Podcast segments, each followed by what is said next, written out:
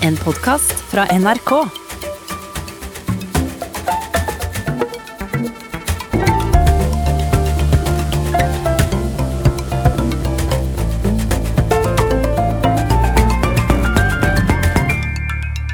Silje Ask Lundberg, hjertelig velkommen til Tore Sagens podkast. Tusen takk for det. Veldig hyggelig at du kunne komme.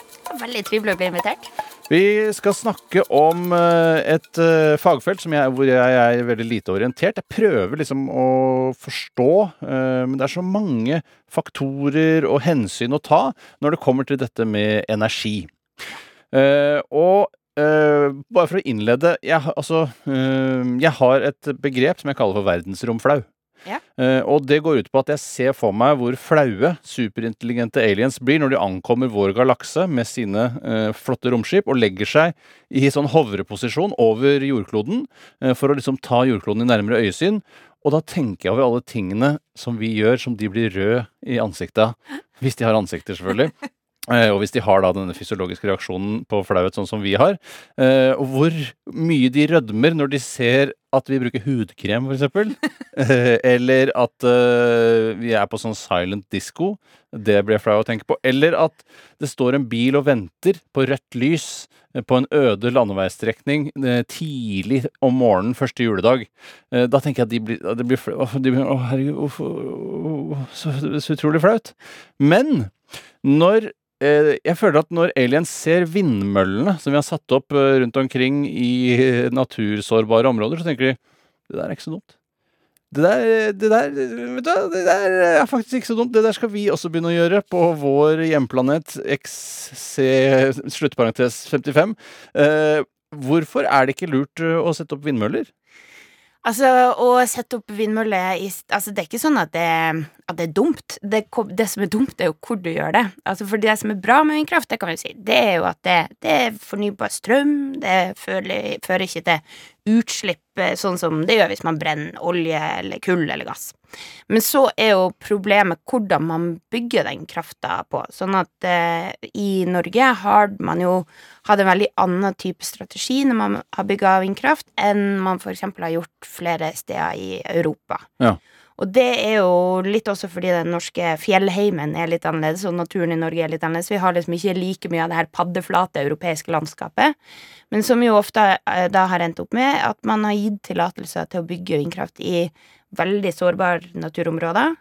Og så har man på en måte, man har ikke villet ha det nært folk, så da har man heller satt dem langt inn i urørt Er, er, det nødt, er det først og fremst uh, altså at det er sårbart på, for dyrearter og sånn, eller er det fordi det er estetisk litt problematisk? Jeg tror nok den eh, motstanden man har nå, handler nok om begge deler. Ja. For Naturvernforbundet sin del så er det jo det faktiske inngrepet det medfører. Ja. Um, og, og det at man eh, Ikke sant, både med tanke på Med fugl har man kjempe em, potensielle problemer, men også med Slå sånn- turbinen slår ja, den, det blir det. Altså, vi har ørner som blir kappa og som mister vingene. Sånn at ja, men er det, er det så stort problem, liksom? Ja, fordi noe av utfordringa her er jo, og det er det som har vært på en måte så, så dessverre så gjennomgående for de vindkraftsakene, er at man ikke har gjort en ordentlig god nok jobb med å faktisk kartlegge naturen på en god måte før man har satt opp. Ja. Så når man har jo endt opp med å eksempel gi tillatelser til noen vindparker i Sogn og Fjordane, hvor hvor, eh, som, som eh, skal settes opp midt i sånn fugletrekk, hvor det passerer millioner av fugler. Ja. Men noen klarer å komme seg gjennom Noen klarer nok å komme ja, men, men, seg gjennom. er, altså, Men mange kommer til å dø, og så er det jo liksom Og det er jo på en måte både det Dem som flyr høyt og blir på en måte kappa av, av, eh, av turbinene, og så har du også dem som flyr lavere, men som da når du har på en måte en skog av masse store turbiner som man ikke er vant til å se, at man også krasjer i selve på en måte eh, eh, Selve kroppen Ja. til jeg har ikke fått noe navn på det der ennå. Ja, det er meget mulig Jeg har et eller annet sånn Turbinkroppen. Ja. Jeg skjønner. Ja, for det rent estetiske er liksom Det har jo i Nederland for eksempel, har man jo hatt vindmøller i hundrevis av år, og nå kan du kjøpe små vindmøller på flyplassen som et minne om hvor kult du hadde det i Amsterdam. Så det er vel bare sånn noe man må bite i seg eh, i denne kampen for å redde jordkloden. Ja, og det er jo Eller sånn, i hvert fall for, for min del, da, så mener jeg jo at det, det viktigste er jo på en måte det at vi, vi står i to kriser. Det er klimakrisa og naturkrisa, så er vi nødt til å løse begge. Men det er jo ikke Altså, en, en oljeplattform er jo ikke akkurat veldig estetisk pen, den heller, på en Nei. måte. Sånn at jeg mener at det kan ikke være hensynet til estetikken som skal være det som er førende. Det må være faktisk hvilke konsekvenser er det. Og så er det jo det at i veldig mange tilfeller her så er det kjempenegative konsekvenser på naturen. Mm. Og da burde man ha gjort noe annerledes, men det har ikke Norge gjort det før nå. Så nå begynner det jo, nå tror jeg det kommer til å, nå ser vi et skifte i på en måte politikken på hvordan, hvordan vindkraftutbygging du skal tillate. Ja, så de som har fått ødelagt de små lokalsamfunnene sine nå, det er de siste? Eller potensielt, vi får se. Det er jo fortsatt flere som er planlagt. Men Ja. jeg tror motstand er jo en helt annen, også politisk nå, da. Så jeg tror ikke det er like stor vilje til å få bygd vindkraft nå som det var før. Nei. For det er en sånn balansegang som jeg syns er litt sånn krevende når det er eh, hvordan uh, arbeidet for miljø og eh, arbeidet for klima liksom eh, kjemper litt mot hverandre noen ganger. Eh, for på sikt vil det jo være bra for klimaet med en elektrifisert bilpark, men veien dit er på en måte brolagt med store miljøødeleggelser, gruvedrift og alt det som verre er. Eh, men da får jeg ofte litt sånn der Hold ut jordkloden, vi skal bare, nå skal vi bare få elektrifisert denne bilparken, og så er vi i gang igjen. Så kommer det til å ordne seg. Er det litt sånn eh, mye Må man ikke kakke noen egg for å lage omelett eller eggerøre? Eh, jo da, men nå er utfordringa er jo veldig at man tenker at man skal løse når man på en måte I de løsningene som man fremmer, og det som man skal og måten man skal løse klimakrisa på, eh, skal være ved at vi fortsatt skal leve livet vårt akkurat sånn som før. Vi skal ha et akkurat like stor forbruk, eller faktisk skal det være mye større. Ja. Eh, ikke sant? Sånn at noe av utfordringa som, vi- som vi ikke har ordentlig tatt inn over oss enda, og som vi ikke har en politikk for, det er jo det at på en måte de problemene som vi nå ser, både med klimakrisa og med naturkrisa, kommer jo også fordi at vi forbruker jorda sine ressurser og tenker at de, de er uendelige, Mm. og at jordkloden alltid kommer til å holde, holde ut, på en måte. Og på sett og vis er jo Altså, det kan man jo si er sant. Altså, jorda kommer jo til å, til å overleve leve oss alle. Ja, for vi må ikke blande jorda og menneskeheten her. Nei, ikke sant? Og, og da er det jo um, sånn at det at man, man er nødt Ikke sant, ja, man skal ha en omlegging fra fossil til elektriske biler. Mm. Vi skal ikke kjøre på bensin og, og diesel. Biler skal vi ha. Ja, og vi, vi skal ha noen biler, men vi kan ikke ha like mange. Nei. Ikke sant? Sånn at det er noe med det sånn at det, det, det er liksom ikke godt nok at alle dem som har bil i dag, bare bytter til en elbil, og da er det greit. Det vi er nødt til å gjøre, er at dem som trenger bil i dag, de kan bytte til en elbil. Ja. Men de som ikke trenger en bil, de, de skal ikke ha en. Altså, så får de bli med på noe sånn. I Oslo har man bilkollektivordninger, det har man i flere store byer. Man har nabobil. Altså, også, det er altfor mange eh, biler i omløp, og vi kan ikke tenke at vi bare skal ha Så lenge vi bare bytter ut drivstoffet, da er det løst. Mm. Vi er nødt til å liksom redusere også antallet biler. Ja, for dette er, det, dette er den vanskeligste delen av jobben med det at man skal gå over til å få en grønnere energi. Det er at man også skal bruke mindre av den grønne energien. For det er jo litt sånn der når du setter opp solcellepanel på hytta, så tenker du sånn Yes! Da har jeg sikra meg, i hvert fall. Jeg kan bruke så mye strøm jeg bare vil. Uh, men um, altså uh, Så man må slutte å, om å slutte med noe, samtidig som man liksom har funnet en løsning. Så det er, man Mm. feirer at man har funnet en løsning, men det er ikke noe å feire, egentlig. Jo, jo, altså, det, altså Man skal jo feire når man Jeg er øh, veldig opptatt av at man skal feire når det, når det er grunn for det. Ja. Men, men det er klart at vi kan ikke feire nå og tenke 'nå har vi løst det'. Ehm, for det har vi jo ikke. Men, men det er klart at vi må være smartere, er jo egentlig det det her handler om. Vi er jo mye smartere i dag enn vi var for 40 år siden. Ikke sant? Altså, vi har funnet opp masse nye duppedingser og hele pakka, liksom. Men, men da er vi også nødt til å skjønne at det, den smartheten må vi liksom eh, Den må livene våre også gjennomgå. Så vi må bruke strømmen vår smartere. Mm. Eh, og da handler det om eh, ja, at det er noen ting trenger man kanskje ikke. Man burde kjøpe smartere ting, sånn at de lever lenger. Ikke sånn sånn bruk og kaste-kjør, liksom. Eh, og at alle de sånn som du snakka om, gruvedrifta, ikke sant. Alle de, alle de mineralene og, og metallene som vi jo har henta ut og utvunnet, men som så har havna på søppeldynga fordi kanskje slutta en eller annen plugg å funke, eller noe sånt. Ja. Dem er vi nødt til å resirkulere, så må vi bruke det på nytt. Ja. Istedenfor å bare hente ut nytt og nytt og nytt. Og Gamle plugger. Ja. Men Eh, men eh, jeg har invitert deg for du på en måte representerer naturen, eh, og det blir den eh, viktigste aktøren her, for alle andre har en annen politisk agenda eller en økonomisk agenda eller noe sånt noe, mens det er det rene uforfalskede fra naturens side, tenker jeg da at Naturvernforbundet representerer. Eh, men eh, ehm, eh, jeg vet ikke om du vet det, men hva er det som gikk galt med den vindkraftutbyggingen i utgangspunktet? Hva, er det noen markedskrefter som kjente noen politikere, eller hvorfor, hvorfor bygde du til på Smøla og alle de sårbare områdene? Jeg, jeg tror det er mange ting som gikk eh, galt, og så tror jeg at uh, veldig mye av grunnene til det kan bransjen takke seg sjøl for, altså vindkraftbransjen, og politikerne. Uh, og noe av det som skjedde, var jo at man hadde Altså, da vindkraften på en måte kom, og altså Smøla var jo den første eh, sånn større utbygginga, men så var det jo på en måte 2005, 6, 7, 8, 9, 10 så begynte man å se flere og flere planer, og allerede da så spilte eh, sånn som Naturvernforbundet inn en rekke krav til de her vindkraftselskapene om at man var nødt til å ha langt bedre kunnskap til grunn, man måtte ha bedre, altså også til politikere, man måtte ha bedre konsesjonssystem og sånn, som gjorde at man faktisk skulle få fram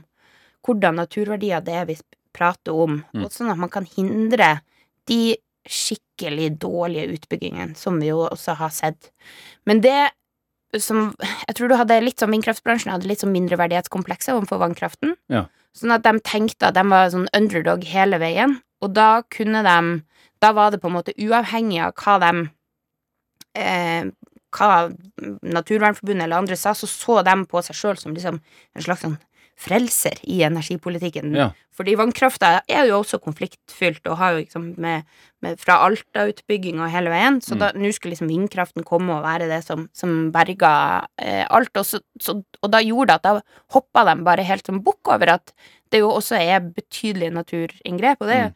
det har vært på og så møte med noen vindkraftselskap tilbake i sånn 2010, tror jeg, og da var vi Da var det sånn to utbygging som var planlagt på samme fjell, fra to ulike vindselskaper, og så hadde begge hatt noen sånn konsulenter som skulle sjekke sånn Åssen er naturen? Hva, Ja. hva, hva er Da kommer en eh, Ernst Young-fyr ruslende opp der for å Ja, kikke. Ja, sant? Så da hadde de to ulike sånne eh, eh, fyrer, sikkert, som var og, og kikka litt på naturen. Og så sa eh, han ene sånn Oi, her er masse verdifull natur. Ja. Her er liksom eh, rødlista sårbare mosearter og lavarter som kan risikere at, vi, at vi utrydder. Ja. Så her må vi Det her er kanskje ikke det beste stedet å bygge ut. Og så sa den andre konsulentfyren Han sa sånn Nei, her er ingen natur. Nei. Er null.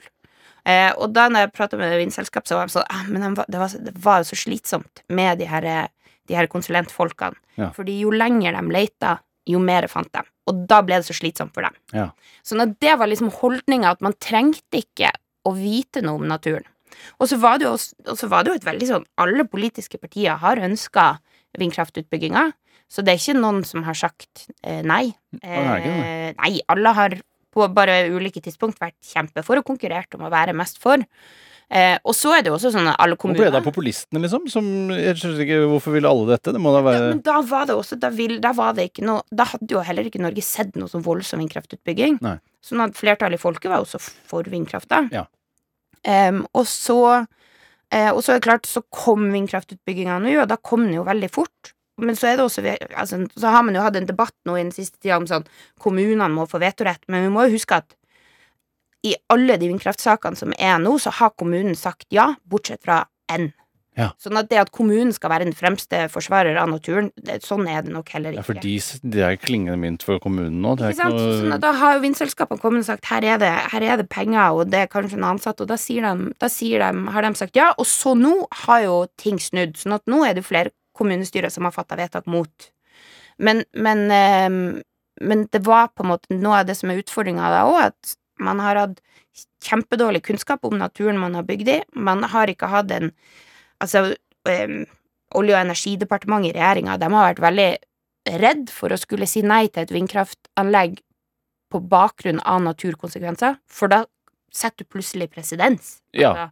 Da kan det hende du må si nei. Og de var jo hyklere fra før av, med tanke på all oljen vi har dratt opp gjennom åra. Ikke sant? Ja. Sånn at da Så da hadde du så det er jo på en måte Da har man endt opp med å gi tillatelse til masse vindkraftanlegg som har kjempestore naturkonsekvenser. Um, em, flere av dem som er nordpå, har jo også store konsekvenser for eh, den samiske reindrifta. Mm. Og så har man bare ikke gidda å bry seg med det. Men så nå, da, når alt det her bygges, så har jo også på en måte befolkninga begynte å bli mer kritisk, og, og, eh, og da får det konsekvenser for det. Ja, jeg følte også at det var dråpen. Er nå er det slutt, eh, tenker du? Nei. Det er fortsatt, det, det er fortsatt flere sånn, søknader som ligger, men det, det, det er ikke like mye. Altså, vi har jo hatt et sånn støtte sånn støttesystem for vindkraft som er ferdig Hvis man skal få penger fra det, så, så må man ha bygd uten eh, Hva er det? Innen utgangen av året. Oh, ja. Men så er det jo Prisene detter jo sånn at eh, vindkraft er jo lønnsomt uten sånn subsidier òg, og da er det eh, men, men fordi at du nå har et så veldig sånn snudd stemningsskifte i norske kommuner, og blant lokalpolitikere, så gjør det at flere av de prosjektene som måtte er foreslått, har kommunene sagt nei til. Okay. Og da med en gang en kommune sier nei, da får den som regel nei. Ja. Jeg føler at mye handler om eh, da opinionen i de berørte eh, områdene. Og jeg, for jeg hadde jo en gang en idé som jeg ikke For jeg føler at det også har vært liksom tunge på vektskåla for at dette, denne utviklingen har snudd. Det er at de som bor der, hater det jo. Eh, men jeg hadde jo skjønt hvorfor gir ikke vindkraftselskapene bare gratis strøm til de som bor der? Altså bare en ledning rett ned i huset, liksom. Så det kanskje, kanskje det hadde vippa andre veien? Jo, og det, jeg tror nok at det er mye som vi eh, Altså, om man gratis strøm vil nok eh, fra et sånn eh, klima- og miljøperspektiv ikke, ikke, ikke det beste, men altså, det er jo det er jo noe også med at Som jo har kommet fram òg, er at dem som er nært også de her anleggene, føler seg jo ikke hørt i noen prosesser. Eh, og så er, det jo Det her er jo prosess som har tatt kanskje 15 år. Eh, sånn at dem som for eksempel eh, kanskje bor i noen av de kommunene i dag, bodde der kanskje ikke for ti år siden Nei. da det kom. Sånn at det er jo det, det er mange grunner til at det har blitt eh, så så stor eh, motstand nå, da, tror jeg. Men så er den jo òg fordi nå ser man det jo. Nå kommer jo utbygginga, da ser man konsekvensene. Ja. Og så er det jo viktig å huske på at når du på en måte De inngrepet som er knytta til vindkraft, er jo ikke bare de, å sette opp de turbinene. Det er jo også å sprenge brede veier som man må frakte, um, som, som gjør at på en måte hele landskapet blir jo forandra. Ja.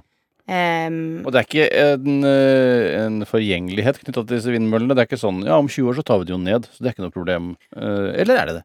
Ja, og det, altså, og det er jo det eh, selskapene sier, at om ja, 20 år, 30 år, så kan vi bare ta det med ned. Har de sagt det? Sier Ja. de det? Oh, ja. Uh, og at det på en måte da, men, men så er jo utfordringa at de veiene er jo fortsatt der. Ja, Det Eh, tar litt tid før det gror igjen. ja. og, og de er jo sprengt inn i fjellet, så det er klart at det er jo Det er ikke bare bare å si at, at det her er et totalt reversibelt inngrep. Ja, Men hvorfor skal det- de ta det ned igjen? Er det fordi de har konsesjon som varer så og så lenge? Ja. Ja. Så er vel det tillatelsen deres om den varer i 25 år, 20 år, et eller annet Så. Det visste ikke jeg. Det var jo litt digg, da. Ja, så det er ikke evigvarende. Nei. Det er ikke sånn nå har du for alltid lov til det her. Nei, nettopp. Ja.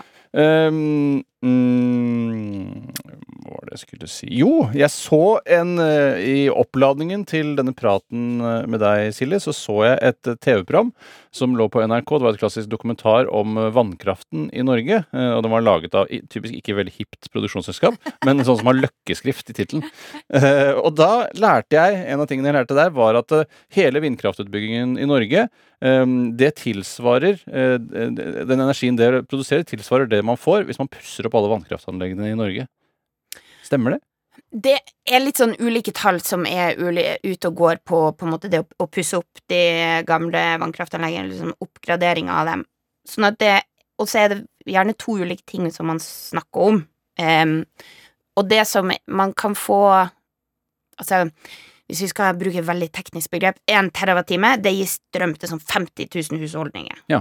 Så det er jo ganske mye strøm. Og hvis man, hvis man tar og bare på en måte pusser dem litt opp, sånn at man bytter ut turbiner med nyere turbiner og får liksom mer, mer Altså man på en måte energieffektiviserer, kan man si, eh, vannkraftverkene, så tror jeg vel at man kan få sånn tre til fem terawatt-timer.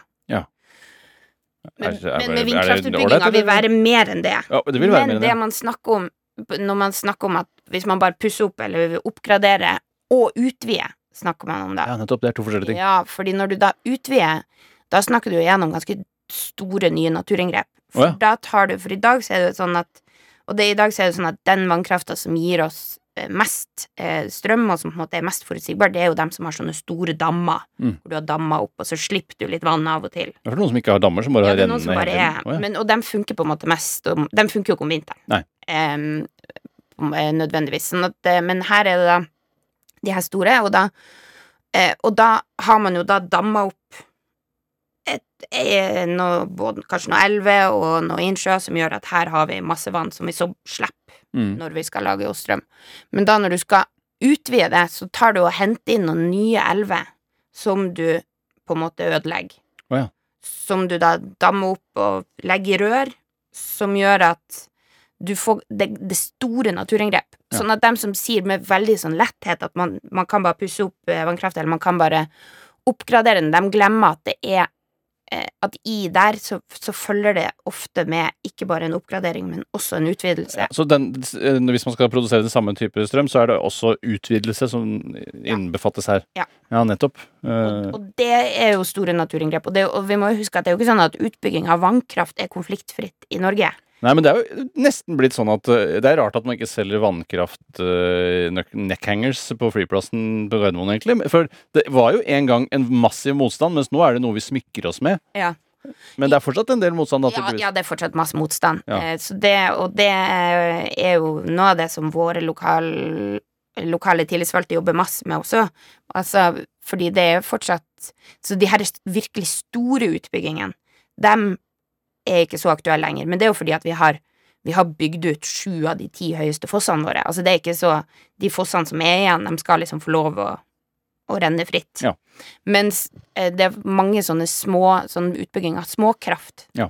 Eh, og det er det masse konflikt rundt, Ja. eh, rundt omkring i, eh, i kommuner og over hele landet. Ja. Eh, og det er store naturinngrep. Ja. Sånn, at, um, sånn at det er ingen quick fix, det heller. Og det, og det er jo på en måte det som er utfordringa her. Det er ikke noen sånn rask løsning på det. Det er på en måte og Klimaproblemet er skikkelig dritt og vanskelig, men, men vi er nødt til å løse det på en ordentlig måte, og ikke bare sånn ved å lage oss nye problemer.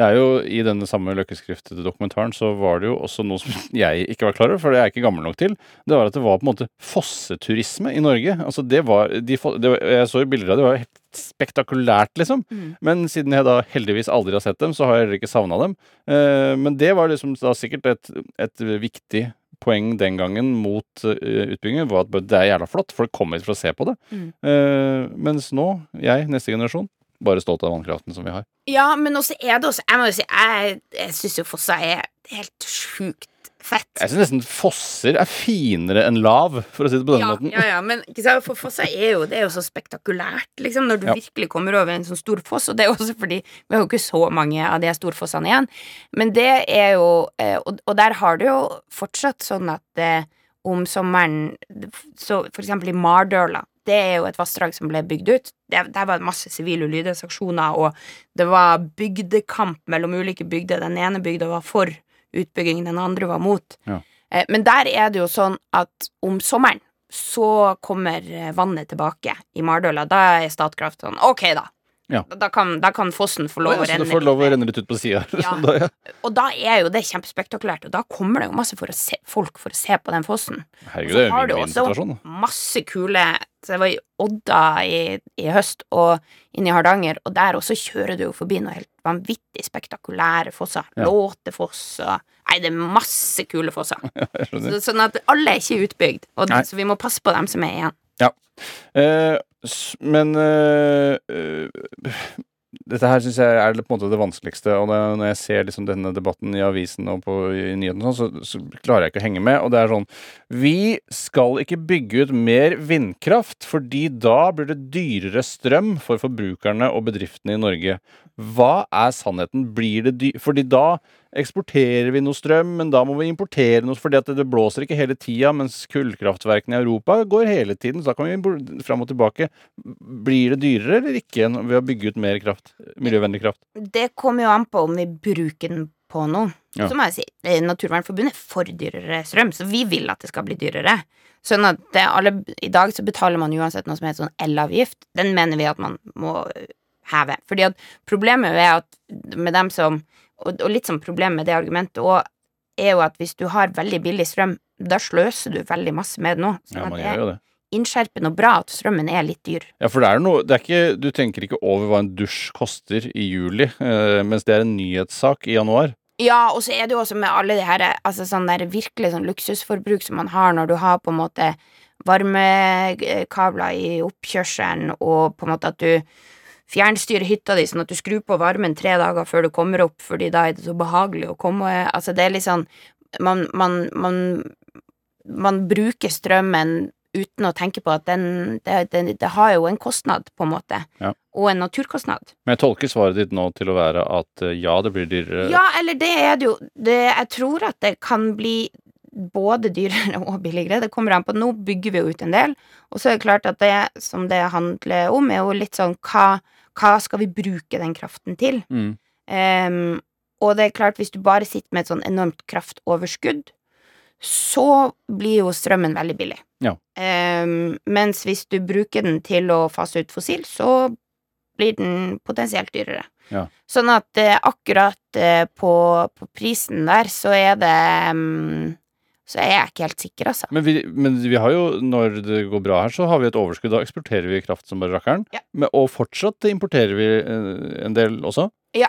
Så vi gjør jo begge deler sånn sånn veldig ofte sånn på på, um, på høsten og på våren og uh, potensielt på sommeren òg, så tar vi og eksporterer mye. Men Ja. på vinteren er jo da, da importerer vi jo. Sånn at det er jo bra at, det, at vi har liksom At vi kan få kraft fra Sverige når, når det er kjempekaldt, og når det ikke er noe vann, det man sier vann i magasinene. Altså fordi at det har ikke regna på lenge, og fordi man i de her svære dammene så har man brukt opp den vannet, det vannet som er der. Ja. Sånn at eh, Sånn at det er jo Vi eksporterer og importerer, gjør begge to. I dag så tror jeg vel vi er en nettoeksportør, altså at vi tar og selger unna litt mer, for vi har høyere produksjon enn vi bruker. Ja. Eh, Men så er det klart at de Det er jo sånn at det er jo ikke sånn at ved at vi da selger overskuddet vårt til andre, at, at, de, altså, at de kaster den bort. De kan Ja, jo da bruke vår vannkraft på å, å fase ut fossil energi hos seg igjen. Jeg så i, i eh, Australia så har Tesla bygget sånne svære batterilandsbyer, eh, hvor de da, eh, så vidt jeg kunne forstå, lada opp de når sola stekte om dagen, og så kunne de da bruke de batteriene om natta. Er ikke det en ganske lur løsning, eller er det en veldig egoistisk og nasjonalistisk løsning? Nei, nei, det er jo absolutt en, eh, en lur løsning, og det, er jo masse løsninger som kommer Sånn at vi kan beholde det selv, mener jeg. så Å ja, sånn, ja. Ja. Nei, jeg tror ikke vi skal være så nasjonalistiske i måten vi skal løse klimaproblemet på. Da tror jeg det går veldig dårlig. Vi er jo nødt til å samarbeide, og der eh, men, men på en måte batterier kommer til å spille en kjempeviktig rolle, fordi da kan man jo gjøre sånn at strøm ikke blir så ferskvare. Ja. Eh, sånn at batterier blir absolutt eh, viktig. Ja, ikke sant. Eh, og så, hva er ACER? Hva er ACER? Og ikke si at det er en energimarkedspakke, for det forklarer ikke noe mer. Ja, vet du, nå kommer du jo til å angre på at du har invitert meg, fordi ACER kan jo ikke Det kan ikke jeg noe mye om, og det er jo der Jeg, bare, jeg slang det med, for ja, hva med, pokker for- er ACER? Ja, nei, og der eh, strides vel strengt at de lærde om hva det egentlig er. Selv ikke du vet hva ACER er! Nei, jeg vet ikke hva jeg Nei, jo, altså, nei, jo. Vet du, ACER er sånn som jeg i hvert fall tenker at det er, har ikke noe verken med klima eller natur å gjøre, og Du derfor har jeg ansett at det er utenfor mitt mandat. Okay. Men det er da godt å trenger vite. ikke jeg å bry meg så mye om det. Men det, det som det Altså, det er jo litt sånn tvisteløsninger. Åssen skal du, hvis du eksporterer selv strøm imellom ulike land, åssen, og hvis man begynner å krangle, åssen skal du løse opp i det?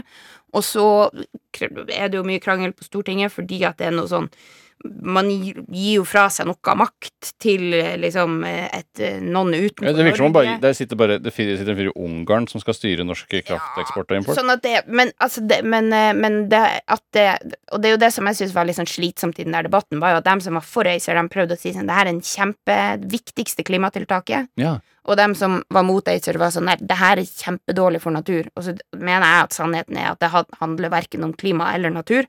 Man bare prøvde å bruke det fordi oh, ja. For å lage litt sånn poenger. Ja, nettopp. Så Naturvernforbundet gir litt, for å bruke et hipt ord, beng i det med ACER. Ja, vet du, Vårt landsstyre tok det opp, og så sa vi at det her handler verken om klima eller natur. Så Ingen det gidder vi ikke å mene noe om. Nei, jeg skjønner. Nei, men da, altså, da dropper vi ACER. Eh, Men ja, nå har jeg blitt med på ACER. Det var vel noe uunngåelig, var det ikke Ja, det? Så er det noe søksmål på gang, og det det? nei til EU til Ja, mye styr. Eh, og så er det denne eh, Jo, men disse vindmøllene til havs, da. Eh, hva syns Naturvernforbundet om de? At det kan Det er ikke være noe lav der. det, Nei, det er ikke lav der. Men det jo, vi må jo huske at det er jo natur til havs òg. Sånn at både at Flyvefisken får seg en smekk. Flyvefisken får seg en smekk. Nei, fuglene får seg jo Fugler og flaggermuser, faktisk. Du har flaggermustrekk mellom eh, for eksempel Norge og Storbritannia. Nei, er det sant? Ja, det er faktisk sant. Um, sånn at eh, Men, men, um, men det som er, er viktig der, er jo at man husker at her også har man natur, og at man lærer av de feilene som man gjorde med vindkraftutbygging på land. Eh, men at eh, offshore vindkraft kan være veldig bra, absolutt. Mm. Ehm, men så kan det jo også Det kan oppstå arealkonflikter. Altså sånn Det er jo ikke sånn at det er ingen som bruker havet i dag. Nei, det er kanskje ikke det. Fiskerinæringa er jo der. Sånn Er at det ikke supergod plass der ute, da? jo, men da må du være smart, og det er jo her for eksempel Statoil eller Equinor, som de hip, så hipt kaller seg nå, har jo virkelig liksom drete på draget ved at de skulle ta og sette opp noe sånn offshore vind, sånn flytende vindmølle i tilknytning til en eller annen oljeplattform. Eh, og så sa, sa de sånn Vi skal sette det opp akkurat her. Og da kom Fiskarlaget etterpå og sa men, men det, der pleier jo vi å fiske. Der er det veldig bra fiskespott. Det er veldig dumt at dere setter den opp akkurat der. Kan Ja. dere ikke flytte dere litt? Og da var, da var Statoil sånn Nei. Nei, du vil ikke det. Nei, for det er litt artig, for jeg, så, jeg var på NVE sine nettsider og så hvor det blåste mest i Norge. Eh, og da var jo Nordsjøen i en særstilling. Ja. Eh, så det var tydelig at det kanskje ikke skada så mye å flytte det noen nautiske mil. Ikke sant? Og da er det jo, da er det jo hvis, du, hvis det er sånn du skal starte den her eh, eh, på en måte havvindutbygginga, ved å bare lage masse konflikter med fiskeriene, Ja. da, da er du dum, liksom. Altså, kan du ikke være litt smartere?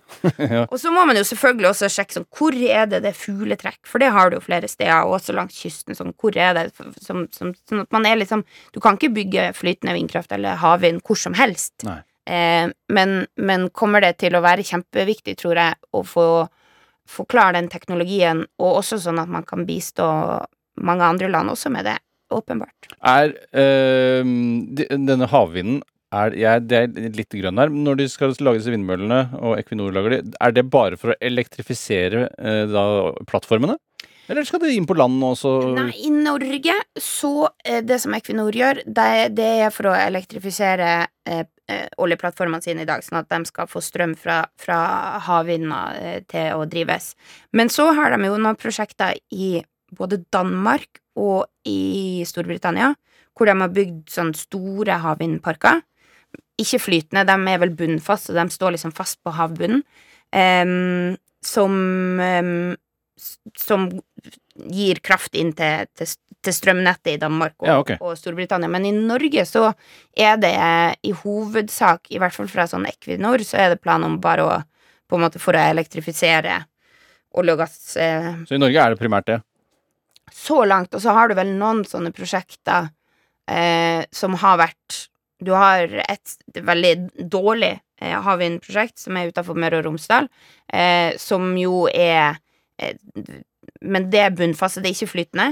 Hva er det skjer med Er det ikke redd for at det skal flyte av gårde? De, De, de har noen sånne anker som okay. holder dem nede. kanskje de har sånn ankervakt også? At de ser nå flyter ja, den av gårde? Ja, ja. De har en sånn, en sånn fyr som sitter Appen som ringer. Ja, nei, men sånn at der eh, Og det er jo på en måte Der har man jo planer om å bygge det midt i sånn kjempeviktige fugleområder. Ja. Som er idiotisk. Fader som de trekker de fuglene. Ja, De gjør det. Så hva syns dere i Naturvernforbundet om elektrifiseringen av øh, denne forbaska sokkelen? Uh, er det lurt eller ikke nå? Det ser jo ut til at det skal ha en eller annen eh, positiv klimaeffekt. Ja, vi er mot at man skal elektrifisere sokkelen med Altså at du skal gi strøm til de olje- og gassplattformene med Altså legge kabler ut fra land. Ja. Det er vi imot. Ja, ut fra land Ja, det skal vi ikke ha. Ja, vi vil ikke bruke strøm fra land til å elektrifisere sokkelen. Det er kjempedumt. Um, og det Det ønsker jo gjerne olje- og gassnæringa, eh, fordi da skal norsk olje- og gassproduksjon bli grønn. Ja. Men selv om du på en måte Selv om du produserer olje og gass ved hjelp av strøm, så er det jo fortsatt olje og gass du Ja. produserer. Det er på en måte som plug-in hybrid. Du er ikke noen miljøkonge bare fordi du har bitte lite batteri i bagasjen. Ikke sant? Ja. Eh, mens når det kommer til på en måte bruken av flytende havvind, så er vi nok mer åpen for at det kan være en smartere måte å gjøre det på. Men da må man jo også ha en veldig tydelig plan som, som er med hvordan skal du Fordi vi mener at man skal legge ned de her olje- og gassplattformene, så vi har jo Ja, ja, ok, ja, det er ro- rolig nå. Ja, Så vi vil jo at man skal fase det ut innen 2040. Ja.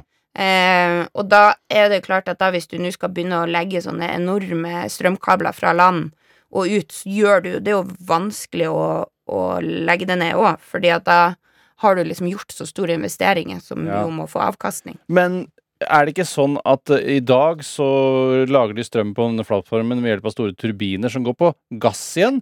Og hvis de elektrifiserer, legger en ledning ut, så kan de eksportere denne gassen, og så erstatter denne gassen kullkraft på kontinentet. Og der får man den positive klimaeffekten. Er ikke det bra, da? Altså, det som er at der den gassen eh, som, som eh, man da ikke bruker på plattformen altså, Cicero har vel anslag på at det kommer sånn i sum til å få en, en, en, en positiv global klimaeffekt. Også med ledning ut? Ja, eller nei, jeg vet ikke om de har sett på hele livsløpet men i hvert fall hvis du ikke bruker liksom, gassen på plattformen, men heller bruker den i en gassturbin i Europa, og det er vel også, det er vel også litt fordi at den gassen i eh, som man i dag bruker på plattformene, de er jo ikke verdens mest energieffektive, de gassturbinene. Nei. Sånn at du får mer ut av gassen, på en måte, i Europa. Ja. Um, men, den, men hovedproblemet med olje og gass er jo ikke produksjon, eller utslippene som kommer når du produserer den, det er jo utslippene som kommer når du brenner den. Mm. Og det står jo for 98% av utslippene. Ja. Sånn at hovedproblemet her er jo at man tenker at man Ok, vi skal bare gi, gi, tar oss og elektrifisere norsk olje- og gassproduksjon, og så skal vi bare fortsette med den i 100 år. Ja. Eh, Og det er det som ikke henger på greip. Sånn at det du må gjøre, er å ha en faktisk plan for hvordan du skal fase ut den næringa. Kan ikke drive og lete etter masse Hvis de lover å slutte i 2040 eh, mot at de får en ledning ut, så er dere med på det, eller? De lover og lover. Ja, men, ja, men der det, Og det Nei, vi er ikke Vi, er ikke, vi, vi vil ikke ha noen ledning eh, ut, men, men, eh, men eh, det som man Man er nødt til å ha en helt sånn annen annen eller en ny oljepolitikk som også tar Hovedproblemet med norsk oljepolitikk er jo at, at det er den som dikterer hva klimapolitikken blir, ikke omvendt. Sånn at det, ja, det er jo Norge vil alltid være en oljenasjon. Vi er jo ikke noen klimanasjon. Nei. Det er ikke greit. Må bare innse med en gang. Ja. Eh, hva med er det, Eller er det noen andre eh, Man lærte jo det i O-fagen, eh, at tidevannskraft kom til å bli det helt store. Eh, er det noe, eller ble det noe? Eller nå er det tross alt 30 år siden jeg hadde O-fag sist? Ja, nei, det er jo ikke noe særlig Det er ikke noe fart i det. Nei, verken. Altså, du hadde jo et tidevann, og jeg husker da jeg reiste rundt og holdt sånn foredrag for Natur og Ungdom i sånn Ja, da jeg var 16, eh, så da for liksom 18 år siden, så, så, så snakka vi om liksom bølgekraft og Bølgekraft også. Ja, ja, ja. Eh, men der Nei, det har ikke gått så bra. Man prøvde seg på noe sånn eh, Det var vel tidevannskraft i Lofoten. Eh, men det gikk ikke. Den der eh, greia man bygde, den ble liksom ødelagt av første tidevannsbølge. Åh, det er dritt når det skjer. Så det Men, og, men og det er jo det her som er litt sånn utfordringa, tenker jeg, i Norge, at der er det Vi har jo visst Vi vet nøyaktig hva vi på en måte skal gjøre for å få hente opp olje, og vi vet at vi tjener masse penger når vi får den opp. Så det har liksom gjort oss også mindre villige til å kaste penger etter å prøve å finne ut litt nye ting, Mm. sånn som bølge, bølgevannskraft eller tidevannskraft, og, og, og faktisk tørre å sette av sånn eh, penger til at eh, gründere og eh, fuglene vet hva de heter, alle de her eh, selskapene som driver med sånn, som kan liksom finne ut hva hvordan, hva kan vi få til med denne teknologien? Er det noen mulighet å, å få det til? Men det har vi jo ikke helt villet gjøre. Er det andre, men det er ikke noen andre ting på trappene som ser lovende ut av de O-fag, den lille kapittelet i o-fagboka? Eh, nei, men det er jo Sol er jo bra. Ja, men jeg har jo sol på hytta. Jeg syns ikke det drar noe særlig nå i Nei, vintermånedene. ikke det, nei. Nei, jeg syns ikke det, altså. Nei, men og der er det jo Nå er det jo eh, flere sånn kommuner som har begynt med sånn støtteordninger for også at eh, eksempel borettslag skal kunne legge solceller på taket. Er dere for dette? Er ikke det litt sånn stor kostnad, litt som vi snakka om innledningsvis? Det er en stor kostnad for miljøet å få dette på plass, men dere Ja, føler at det er er verdt det når dere først får det opp? Ja, og det er jo Ja, sånn at det tenker vi at absolutt er noe som er bra å kunne få til. Em, og som jo vil kunne være med og, og da gjøre at man For hvis de ulike boligene også produserer mer strøm sjøl, så får du jo en mer sånn desentralisert strømproduksjon som skjer rundt omkring der hvor man forbruker strøm. Ja. Eh, og så som gjør også at du ikke trenger de her kanskje de massive, store utbyggingen. Ja, så det er litt noe på en måte petroleumsindustrien kanskje skyver foran seg, den der store miljøkostnaden av å legge om til grønt, framfor å liksom Litt sånn som man sier sånn Jeg tar vare på min gamle dieselbil, for det, det, det krever for mye å lage en ny Tesla. Ja. ja. Hva med atomkraft? Skal vi danse? Andreas hadde jo en eh, episode om dette i sitt eminente program Folkeopplysningen, og da virka atomkraft megalurt. Eh, ikke så farlig som vi kanskje trodde, selv om jeg ikke syns det virka noe hyggelig i Tsjernobyl, selv om han sa at det var hyggelig der. Og det produserer sinnssykt mye energi. Det er- må være løsningen. Jeg tror Skal vi danse, Andreas, er veldig for atomkraft, eh, så det bar jo absolutt det programmet preg av. Men, men noe av det som er den store utfordringa med atomkraft, er at man fortsatt ikke vet hva man skal gjøre med det radioaktive avfallet. Nei, Men det er Som- ikke det bare å bore ned hull på Svalbard? Jo, det kan du si, vi bare bor ned der, men, nei, men man har jo ikke Det tar jo bare 100 000 år før det er borte. Ja, ikke sant? Og, og, og, og så er det litt sånn åssen ser samfunnet ut, om åssen kan man sørge, at, sørge for at eh, det er trygt lagra i 100 000 år? Så man har jo drevet med atomkraft nå i ja, hva er det, 70, 70 år, men vi vet jo fortsatt ikke åssen vi skal Nei. lagre det avfallet trygt. Og så er det jo også sinnssvakt dyrt å bygge atomkraft. Ja. Altså, nå har vel i, Jeg tror det er i eh, Storbritannia nå at man skal bygge et nytt atomkraft som Og det er jo kostnadsoverskridelse på kostnadsoverskridelse, og, og hadde du brukt altså de der beløpene heller på fornybar energi og på energieffektivisering og sånn, så kunne du jo fått ut Altså fått så mye mer. Men det er klart, det skaper masse, masse energi. Ja. Men, men du kan ikke løse et miljøproblem ved å skape et nytt, og det gjør det jo med det avfallet som atomkraft bærer med seg. Det er så kategorisk mot det, men det virker som en så lur eh, Altså, det er som hvis, liksom, hvis La oss si at eh, vi sto enda nærmere stupet enn vi gjør nå. Det kan vi står ganske nærme stupet nå, men hvis det var mulig å måle, da. Sto utrolig nærme stupet, så er det kanskje mer aktuelt å gjøre det, eller? Ja, nei, fordi at det, det er noe med at det, det tar jo så sjukt Altså, det koster jo så vilt masse penger å bygge de her eh, Mer enn 10 000 milliarder? Ja, altså, det er helt sabla dyrt. Ok. Eh, og, de går på, og det koster mer og mer enn enn de planlegger. Og så er det jo på en måte hvis du ender opp med å sitte igjen med masse sånn radioaktivt avfall, og så er det sånn ja, nei, hvor, ok, vi berga, vi, vi fikk stansa utslippene. Ja. Og så var det jo den her naturkrisa vi hadde da. Ja. ja. men da kan vi jo bare kaste alt det radioaktive utslippet ut i, ut i naturen, og så Ja. Jo, jo, men eh, hvis det kommer med noen garantier ja, Nei, dere stoler ikke på de garantiene. Jeg, jeg skjønner jo det litt. Ja, og, og så er det ikke noen garantier å, å komme med. Og det er jo sånn, altså, vi har jo, hatt, jeg har jo bare hatt sånn forskningsreaktor da, i Halden, Mm. som har drevet med sånn forskning, og, og, øhm, og jo produsert masse også radioaktivt eh, avfall.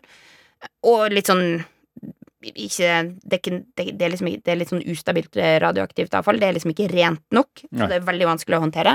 Og det har vi jo drevet med siden 50-tallet, men vi har jo ikke noe måte å, å lagre det avfallet trygt på. Det er Nei. på sånn mellomlager sånn rundt omkring. Ja. Men eh, hvor, hvor, hvor, hvor stort fysisk er dette avfallet? Det, La oss det, si du skal kjøre en atomreaktor som skal drifte hele Sørøst-Norge eh, i et år. Hvor, hvor mange tønner er det som snakk om? ja, altså, Et det, vanskelig spørsmål, kanskje? Men... Ja, jeg tror det. Ja, jeg syns det er litt vanskelig spørsmål, for jeg er jo heller ingen, ingen atomfysiker. Men det, er- det, er- det nok ganske mye Fordi at det er jo ikke sånn at det er på en måte Sånn som flytende avfall. Altså, Nei. det er jo sånn Alt som har vært innom den reaktoren, er radioaktivt. Oh, ja, så det er, ikke, det er på en måte søpla fra den. Det er ikke en egen uh, et egen eksos, Stavene man har liksom? brukt, Ja, de og så er det jo ja. liksom øh, eh, eller, Men nå merker jeg, nå snakker jeg litt om ting jeg ikke kan om, så du kan hende jeg lyver kanskje noe er flytende òg. Men eh, Så det, så jeg, ja, Det er bare, søppel. Søpla her, den er radioaktiv, liksom, så det må kastes inn. Og altså, du, får jo med et biprodukt, som Mm. er, men om det er flytende eller i fast form, det aner jeg jo ikke. Nei. Og Nei, vet du, det her, det her kan ikke jeg. Ja, det, jeg skjønner. Og så er det litt eh, rart, eh, for det er jo man, Hver gang man ser bilder fra en atomreaktor, så er det sånn Når skal dere få iPad, liksom? Har dere fortsatt grønn skrift med sånn hardt tastatur? Eh, men denne eh, miljøkrisen, er det miljøkrise også i verden? Ja, det, ja, det er naturkrise. Naturkrise, er det Naturkrise. eh, Altså, hvis du skal se Hvis man går an å skille på miljø og klima, er det en egen miljøkrise? Ja, eh, og det er jo Altså, du har jo Fordi klimakrisa er jo på en måte utslippene og klimaendringene og sånn. Ja. Og så har du jo naturkrisa, er jo det at vi mister arter. Ja, for Dyre- og plantearter driver og dør ut som aldri før. Ja, for det er en sånn Hva heter det? The Sixth Extinction. Ja. Eh, som er da For det har vært fem tidligere i, i jordas eh, historie. Og, eh, men man vet jo ikke om det er den som er på trappene, men det er det dere er redd for? Ja, og det er jo det måte, flere forskere sier. Vi er litt sånn inne i den sjette masseutryddelsen. Eh, det er bare det at den tar veldig lang tid. Altså, det er ikke på en måte som da de her asteroidene traff og dinosaurene døde. Det, det tok jo ganske mye kortere tid. Ja. Eh, mens sånn at det er jo Og det som man, man har akkurat så Veldig mange har jo hørt om FN sitt klimapanel. Det er jo dem som på en måte sammenstiller all forskninga og sier klimakrise, klimakrise. Og så har vi da også et em, naturpanel, som FN også har, som er med forskere på natur, som sammenstiller forskning på natur, Ja. og som nå har begynt å rope skikkelig varsko sånn naturkrise, naturkrise. Og de kom ut med en ny rapport for eller med sin første sånn ordentlige rapport noen gang, som kom for to år siden. Og den, eh, der sier man veldig tydelig at eh, naturkrisa og det tapet av biologisk mangfold, at arter driver og dør ut, er en like stor trussel mot menneskeheten som klimakrisa. Og er det det? Ja. Men hva er det den fører til, da? Den eh, fører jo til at eh, Hva er dens, l- hva er dens havnivåstigning, liksom? Jo, men og det er jo sånn at det er jo for eksempel det at man eh, Mat og nytteplanter dør ut. Mm. Eh, i det, at man eh, Så du mister tilgangen på, på mat. Og så er det jo også sånn at naturen gir oss jo en rekke sånn økosystemtjenester. Ikke sant? Sånn at den bare ved at den er natur, så gjør den noe bra for oss. Mm. Så for eksempel i Norge så er jo myra er kjempefin og flott for oss. Også fordi at da hvis det er flom og sånn, som ellers kunne gjort masse skade på, for oss mennesker, så bare tar myra og absorberer Ja, det er naturens vann. Så det er en sånn flomdemper. Kjempebra. Ja, yes. Og litt sånn er det jo også rundt omkring i Men det i de, det plantasjen skal ha det til torv, er det ikke det? Ja, så det er jo eh, dumt. Eh, okay. Ikke kjøpe torv. men, men sånn at eh, Og det er jo litt eh, det samme med den naturkrisa som man, man står oppi, da. At da de tjenestene som naturen egentlig gir, dem, dem, de forsvinner. Ja. Så, og det er jo sånn, ikke sant, i, i Brasil med regnskogen som bare hogges ned, som jo for så vidt også er dårlig for klimaet. Så du har mange sånne saker hvor, hvor det å kunne ha en god og robust natur er bra både for naturen Mm. og bra for klimaet. Men den der sjette eh, sixth, Jeg vet ikke hva det heter det norske begrepet for det? Eh, sjette Utryddelsen? Ja. Mm. Eh, masseutryddelsen, ja. Eh, for eh, det, eh, min datter som går på skolen, der, der miljøet er lik liksom gamle fendere i fjæra. Ja. Ja, det er ikke noe utryddel masse, men det er kanskje noe med at man ikke skal skremme vettet av de små barna. Ja, ja, ikke sant. Ja, for det er veldig mye snakk om plast, plast, det har Ja, mikroplast. plast men, og det er et veldig løsbart problem, føler jeg. Men Ja. eh, jeg føler ikke at det også er liksom Det er like før vi har løst det. Ja, ikke helt, men det er i hvert fall eh, Jeg tror for, eh, for Norge sin del, så Det er jo trist å si det, men det var jo veldig bra at den hvalen utafor Sotra skylte i land med magen full av plastposer. Ja, det var et tipping point. Det var, gjorde jo at, eh, at du, du virkelig fikk masse, masse fokus på plast. Og det er litt sånn på en måte det også man, man trenger på, på natur, eh, er jo å få ordentlig vist fram hvordan konsekvenser det er, og, og, og at man får det inn i læreverket, og at skoler tar ordentlig tak i det. Sånn at jeg tror nok eh, jeg tror nok det fortsatt er en lang vei å gå der, da. Ja. Men er du, er du Litt sånn avslutningsvis, eh, hvordan syns du det går med planeten, sånn totalt sett, fra Naturvernforbundets side? Altså, det er klart at det er Det er ikke lov å være optimistisk, du må være bare realistisk. ja, ja, det er masse ting som peker i helt sånn kjempefeil vei. Ja, det er det. Eh, ja, er du gæren. Altså, på klima så har man masse eh, målsetninger og ambisjoner, eh, men de planene som alle land har lagt, de er ikke nok til å stanse de mest eh, alvorlige endringene eh, og de mest alvorlige konsekvensene, som jo da kan føre til at millioner av mennesker trues på livet.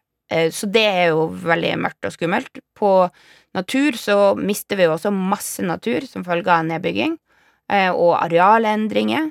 Eh, sånn at det er på en måte det, det, det som, som er veldig dystert. Men det som er, og nå er det ikke sånn falsk positivt, men det som faktisk er veldig bra, mm. er jo at eh, jeg tror aldri at det har vært et så stort sånn folkelig engasjement for både klima og natur enn det som vi har i dag. Og det er jo sånn, altså det ser vi bare i Naturvernforbundet sånn de siste, de siste ja, hva er det, de siste fire årene så har vi fått 10 000 nye medlemmer. Eh, så vi har liksom økt i medlemsmasse med 50 Ja. så, så det folk vil nå melde seg inn og ønske å gjøre en, å gjøre en, en forskjell, og vil også holde sine politikere ansvarlig. Sånn at vi ser jo også det at når på en måte folket reiser seg, så, så er så er politikerne nødt til å følge etter. Og det er jo sånn som ikke sant, med de voldsomme skolestreikene, du hadde hva er det, 20 000 barn og unge foran Stortinget. Altså det, det er masse sånne den type bevegelse som gir veldig mye håp. Ja, så det er gode, gamle holdningsendring. eh, for det er jo ikke Nei, men ikke bare holdningsendring, fordi at det som er viktig, er jo at dem de her, For det er jo ikke sånn klima- og naturproblemene kan ikke alene løses av at vi alle skal ta gode miljøvalg og sortere rett. Vi må gjøre det òg. Men det som vi er nødt til, er å, å stille politikerne våre ansvarlig. Sånn at det er liksom virkelig eh, Og det virker som at det er flere som, som er interessert i å gjøre, og som har begynt å gjøre, som gjør at vi Men nå ikke, ikke så veldig, eller? Altså, jeg jo, men nå ser vi jo sånn der konkurranse mellom, mellom eh, Høyre og Arbeiderpartiet på hvem som er best på miljø. Ja, det som er igjen av Arbeiderpartiet, i hvert fall. Ja, det som er, ja, Ja, ja. Men Senterpartiet og den, de borgerlige er noe Er de noen store klimakonger, da? Bortsett fra alle disse rare vindmøllene satt Nei. Senterpartiet er ikke noe bra på klima eller natur. Så Senterpartiet er Og så er det klart så har man et lite sånn eh, opprør på gang i Senterpartiet, men der er det, hvis Senterpartiet virkelig skal være grønn og ha den her eh, grønne firkløveren sin, så er de nødt til å liksom alvorlig skjerpe seg i klima- og naturpolitikken. Høyre vil jeg si er mye bedre enn Senterpartiet. Nei, vil du si det? Ja, det vil jeg si. Ja. Så er vi sånn at eh, de er mer progressive, ønsker å gjøre mer enn det, enn det Senterpartiet vil. Men så for å Altså, det dem som er sinkene i klima- og i naturpolitikken, det er Senterpartiet, og det er Frp. Mens resten vil jo noe. Ja. Sånn at eh, Og da eh, handler det om å, å, å, å på en måte ja, gi støtte til, til de Å kunne være med og, og vise fram på en måte dem som faktisk er På en måte ønsker å, å, å føre en god miljøpolitikk i Mm. de partiene òg, da. Hva er det som skjedde med Rødt eh, her på landsmøtet? Hva er det de driver med? Ja, de driver med mye rart. Det er så rare de er noen ganger. Ja, ja. Sånn at det der, ja, de valgte å ikke sette en sluttdato for olje. Det er veldig skuffende. Ja. Eh, også at de prinsipielt er mot havvind. Merkelig opplegg. Ja. Men øh, Ja, nettopp. Så alt i alt, det hørtes ikke ut som den store tal, seierstalen på vegne av naturen, vil jeg si. Nei, og Men ja. Og det, er jo liksom, og det er jo det som er begredelig, liksom. Det er litt sånn det, det er på en måte situasjonens beskrivelsen. Men, men så er det jo klart at eh, ved at man Ved at man da faktisk gidder å gjøre noe, gidder å bry seg, så kan man jo gjøre det bedre. Så jeg tror, at, jeg tror bare at det som er viktig, er at hvis man, hvis man er litt opptatt av klima og natur eh, og miljø, så kan man ikke sitte og vente på at noen andre skal fikse biffen. Man Nei. er liksom nødt til å gjøre noe sjæl. Det er vel litt også, øh, for å nøste det ganske elegant opp, øh, disse aliensene som ligger og hovrer over jordkloden, de er vel også det de på en måte blir mest flaue av, tror jeg, er bare hvor utrolig sakte ting endrer seg. At det er bare Oi, de har et kjempeproblem som de ganske brått fikk eh, visshet om, og de bare Ååå, sakte, men sikkert skal vi gå opp for oss. Det er på en måte en hval som reagerer. Ja. Rett og slett. Ehm, ja, så det var jo ikke det, er, det, det, det er det der. Det er, sånn der. Eh, det er ikke bedre enn det, og det er ikke verre enn det. Uh, Silje Lundberg, det var veldig gøy å få en klarhet i dette. Uh, jeg har fortsatt ikke helt eh, bestemt meg for hva det er jeg må gå rundt og si til folk på fester og sånne ting nå, om hva som er best innen energi. For det holder jo ikke bare å si sånn Bruk litt mindre strøm. Men det er kanskje det jeg må si. Ja, det er i hvert fall smart å si det. Ja, men ikke hvis jeg vil ha venner. Nei, men, øh, men det var en, en øh, Jeg føler at jeg liksom har fått en litt mer sånn klarhet i akkurat dette med denne kraften. Eh, for jeg, jeg syns det er litt rotete. Men det er Alt byr på naturproblemer. eh, og løsningen på klimaproblemet ligger i å tukle litt med miljøet. Eh, men det syns Naturvernforbundet kanskje er den eneste veien å gå. Å, tukle. Du må ha litt kobolt for å lage den nye bilparken din. Ja, og det er jo altså, og, og det er jo på en måte all, all energiproduksjon har jo konsekvenser. Og så er det om å finne den som har minst. Og så vet vi i hvert fall at det som, den mest miljøvennlige energien er den vi ikke bruker. Så det å kunne være flinkere på å spare strøm og bruke strømmen mer effektivt. Og så, da, når vi så skal finne kobolt og, og eh, det her, så må vi gjøre det bedre enn vi gjør i dag. Ja. Så vi må være, vi må være flinkere og smartere. Eh, Silje Ask Lundberg, det var veldig hyggelig å ha deg på besøk her. Du skal dessverre slutte i Naturvernforbundet nå. Du er avtroppende leder. Ja. Vemodig, Vemodig, ja. men det blir veldig deilig og lang sommerferie. Ja, å, det blir bra. Tusen takk for at du kom i studio. Takk for det. Du har hørt en podkast fra NRK. Hør flere podkaster og din NRK-kanal i appen NRK Radio.